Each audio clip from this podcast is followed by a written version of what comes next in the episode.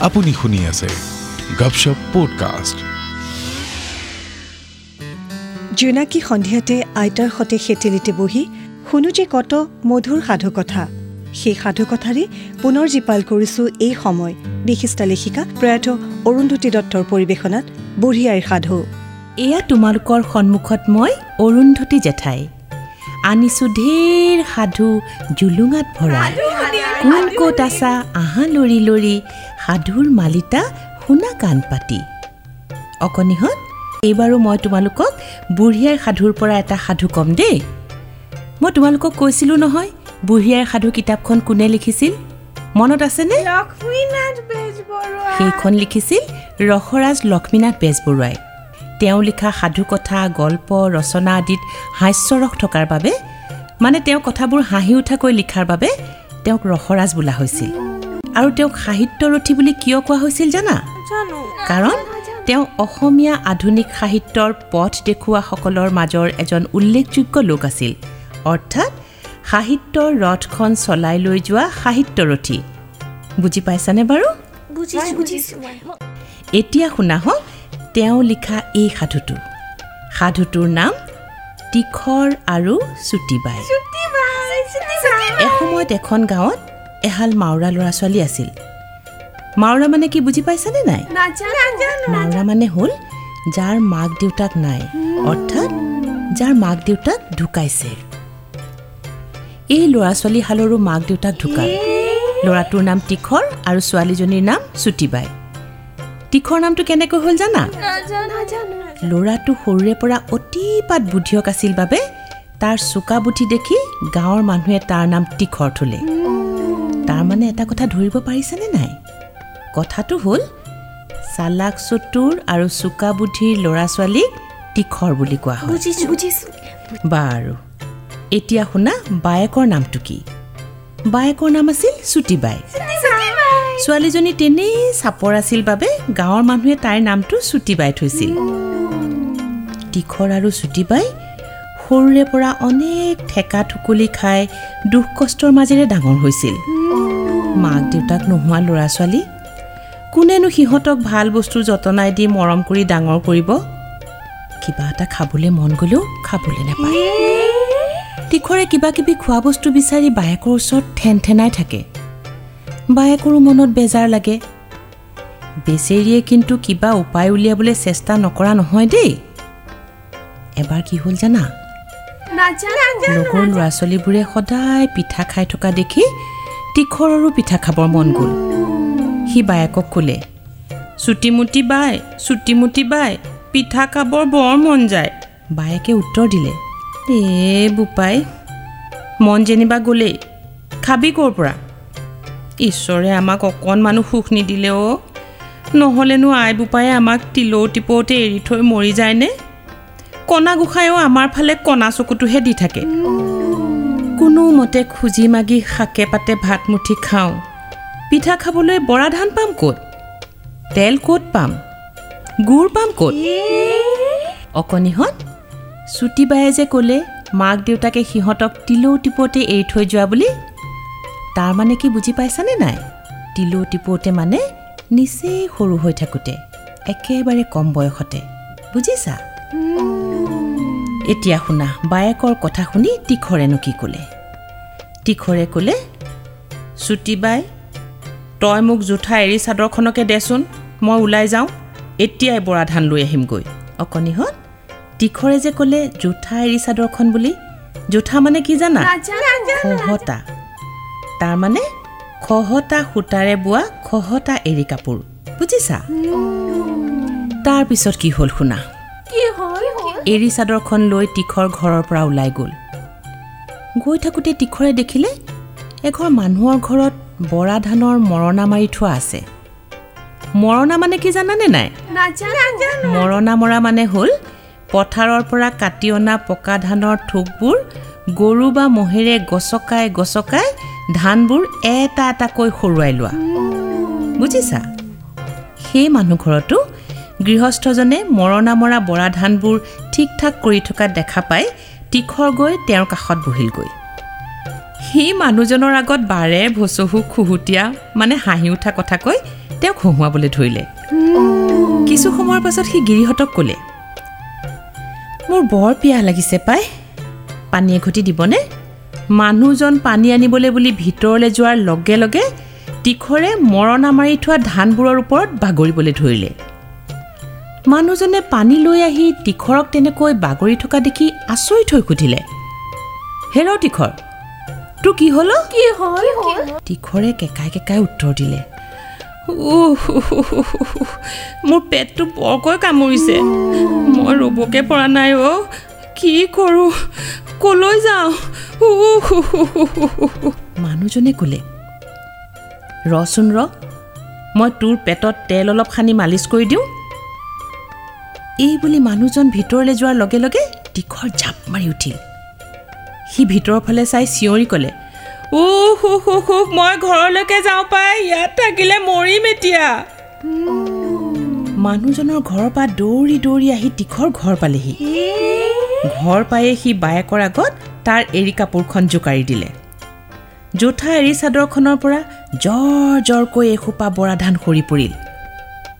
অকণিহঁত কথাটো কি ধৰিব পাৰিছানে নাই? নাই পৰা নহয়। তোমালোকে চাগে ভাবিছা এৰী চাদৰখনৰ পৰা আকৌ ধান সৰি পৰিল কেনেকৈ?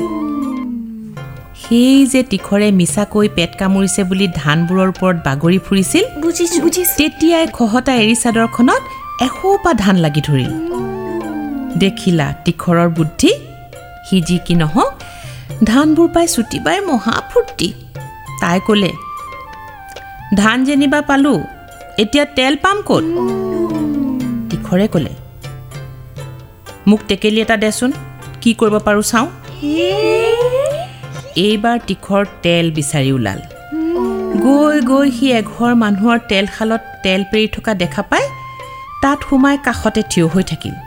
অলপ সময় ৰৈ সি গৰাকীক ক'লে ককাই মই বেটেৰীটোৰ ওপৰত এবাৰ থিয় হওঁনে? মোৰ গাৰ ওজন পাই তেলবোৰ খৰকৈ ওলাব। বেটেৰী মানে আকৌ আজিকালিৰ যন্ত্ৰ পাতিৰ বেটেৰী নহয় দেই। এই যে টৰ্চ লাইটৰ বেটেৰী ৰেডিঅ'ৰ বেটেৰী সেইবোৰ নহয়। তেতিয়াৰ দিনৰ বেটেৰী মানে হ'ল তেল পেৰা ঘানি মানে তেল পেৰা যন্ত্ৰটোৰ এটা অংশহে। বাৰু এতিয়া শুনা তীখৰৰ কাহিনী। তীখৰৰ কথা শুনি গৰাকীয়ে ক'লে বেটেৰীৰ ওপৰত উঠিবৰ মন গৈছে যদি উঠ মোৰনো কি ক্ষতি হ'ব? তীখৰেও বেটেৰীৰ ওপৰত উঠি লৈ গীত জুৰিবলৈ ধৰিলে। এ সীতা শান্তিয়ে তোক মই নুবুলো ভাল সুবৰ্ণৰ দলি চাই গাজোৰ নহ'লে তোক লাগে মিৰি গড় তীখৰৰ মাতটো আকৌ মোৰ নিচিনা নহয় দেই বৰ সুৰীয়া। বুজিছো। বুজিছো। তাৰ গীত শুনি গৰাকীয়েও বৰ আনন্দ পালে। গীতটো শেষ কৰি তীখৰে ক'লে ককাই গীত গাই মোৰ ডিঙিটো চৰ চৰাইছে। তামোল এখনকে খাবলৈ পোৱা হ'লে? তীখৰৰ কথা শুনি গৰাকীজন তামোল আনিবলৈ ভিতৰলৈ যোৱাৰ লগে লগে তীখৰে শালৰ পৰা নামি কাপোৰৰ তলৰ পৰা টেকেলিটো উলিয়াই এটেকেলি তেল ভৰাই ঘৰলৈ লৰ মাৰিলে। ঘৰত বায়েকে তেলখিনি দেখা পাই বৰ ৰং পালে। বায়েকে ক'লে তীখৰ বৰা ধানো হ'ল তেলো হ'ল। পিছে গুৰ নহ'লে পিঠা খাবি কিহেৰে? এইবাৰ তীখৰ ওলাল গুৰ বিচাৰি। গৈ গৈ গৈ এঠাইত মানুহে কুঁহিয়াৰ পেৰি গুৰ পগাই থকা দেখা পাই বুদ্ধি এটা পাঙিলে। তীখৰে কি কৰিলে শুনাচোন? গাঁৱৰ অলপ ওচৰৰ হাবি এটুকুৰাত জুই লগাই দি দৌৰি দৌৰি আহি কুঁহিয়াৰ পেৰি থকা মানুহকেইটাক ক'লেগৈ সৰ্বনাশ! সৌৱা চোৱাচোন তোমালোকৰ গাঁৱত ৰম ৰমাই জুই লাগিছে। তোমালোকৰ ঘৰ বাৰীবোৰ জুইত ভস্ম হ'ব এতিয়া। তীখৰৰ কথা শুনি মানুহকেইটাই জোৰ বস্তু ততি এৰি দৌৰ মাৰিলে। আৰু লগে লগে তীখৰে তাৰ পৰা গুৰ একলহ লৈ ভিৰাই লৰ মাৰি ঘৰ পালেগৈ। বায়েকেও আটাইখিনি বস্তু যোগাৰ হোৱা দেখি পিঠা ভাজিবলৈ যো জা কৰি দেখিলে ঘৰত দেখোন এডাল উখৰি নাই। পিঠা ভাজিবলৈ জুই ধৰিব কেনেকৈ? তীখৰক কথাটো কোৱাৰ লগে লগে সি দা এখন লৈ ডাঙৰ হাবি এখনত গছ কাটিবলৈ ল'লে। তীখৰে গছৰ ডালবোৰ কাটি থাকোঁতেই হাবিৰ মাজৰ পৰা লাহে লাহে বাঘ এটা ওলাই আহি তীখৰক ক'লে তই কোন? ঘপ ঘপকৈ গছৰ ডালবোৰ কাটিছ যে। এইখন মোৰ হাবি বুলি নাজান নেকি? তীখৰেও মনৰ ভয়টো লুকুৱাই বুদ্ধি এটা সাজি ক'লে। "এ, এয়া আমাৰ বাঘ ককাইটি নহয়নে? এৰা ককাই এইখন বাৰী তোমাৰ বুলি মই জানো। মই বোলো ককায়েকে চেনেহৰ ভায়েকক খৰি এডালো নিবলৈ নিদিবনে? বুজিছো। ককাই মোৰ ঘৰত পিঠা খোৱা পাতিছোঁ। মই ভাবিলোঁ তোমাকো নিমন্ত্ৰণ কৰি থৈ যাওঁ আৰু খৰি দুডালমানো লৈ যাওঁ। বাঘে মনতে সন্তোষ পাই ক'লে নিয়া নিয়া ভাইটি যিমান লাগে সিমান খৰি লৈ যোৱা। পিছে পিঠা খাবলৈনো কোনদিনা যাম? তীখৰে তাৰ ঘৰটোৰ ফালে আঙুলিয়াই ক'লে সৌফালে যিদিনা বৰকৈ ধোঁৱা দেখিবা সেইদিনাই যাবা। চুটিবায়ে সেইদিনাই ৰাতি পিঠা ভাজি দিয়াত তীখৰে পেট ভৰাই পিঠা খালে আৰু বায়েকৰ হতুৱাই বাঘৰ কাৰণে তিনিখন পিঠা ভজাই থৈ পাছদিনা পুৱা ঘৰৰ সন্মুখত তিতা ধান খেৰ এসোপা জ্বলাই দিলে। তিনিখন বেলেগ বেলেগ পিঠা বেলেগ বেলেগ তিনি ঠাইত থলে আৰু তীখৰ আৰু চুটিবাই বৰ চাঙত মানে বাঘে ঢুকি নোপোৱাকৈ ওখ চাঙৰ ওপৰত উঠি থাকিল। ইফালে তীখৰৰ ঘৰৰ ফালে ধোঁৱা ওলোৱা দেখি বাঘটো ৰং মনে পিঠা খাবলৈ ওলাল। তীখৰহঁতৰ পদূলি মুখ পায়ে পদূলিতে এখন পিঠা থৈ দিয়া দেখি বাঘে ৰং মনে খালে। পিঠাখন সৰহকৈ গুৰ দি বৰ সোৱাদ লগাকৈ ভজা। বাঘে খাই বৰ ভাল পালে। সি আৰু পিঠা খাবলৈ খৰ ধৰকৈ ভিতৰলৈ আহিল। দুৱাৰ মুখতে আৰু এখন পিঠা দেখা পাই বাঘৰ জিভাৰ পানীয়েই পৰিল। সি অকণো নোৰোৱাকৈ পিঠাখন খাই পেলালে। পিছে অকণিহঁত সেইখন পিঠা আছিল কচুৰ পিঠা। পিঠাখন খাই বাঘৰ ডিঙিটো ইমানকৈ খজুৱাবলৈ ধৰিলে যে সি তৎপত নেপাই লৰি আহি ঢেঁকীশাল পালেহি। তীখৰে বুদ্ধি কৰি ঢেঁকীশালত এখন চূণৰ পিঠা থৈ দিছিল। বাঘে এইবাৰ সেইখন পিঠা খালে মিঠা লাগিব বুলি খৰধৰকৈ সেইখন পিঠাও খাই পেলালে। পিছে চূণৰ পিঠাখনে তাৰ ডিঙিত ইমানকৈ ডাকিলে যে তাৰ ডিঙিত ঘাঁ লাগিল। আৰু সি সেপ ঢুকিব নোৱাৰি মৰি থাকিল। ইফালে বাঘে খাব বুলি ভয়তে চাঙৰ ওপৰত উঠি থকা তীখৰ আৰু চুটিবাই তেতিয়াহে চাঙৰ পৰা নামি আহিল দেখিলা তীখৰৰ কাণ্ড? আপুনি শুনি আছে গপশপ পডকাষ্ট। এনেদৰেই শুনিবলৈ পাব গাপশ্বপ পডকাষ্টত ভিন্ন ৰুচিৰ সমাহাৰৰ ভিন্ন অনুষ্ঠান।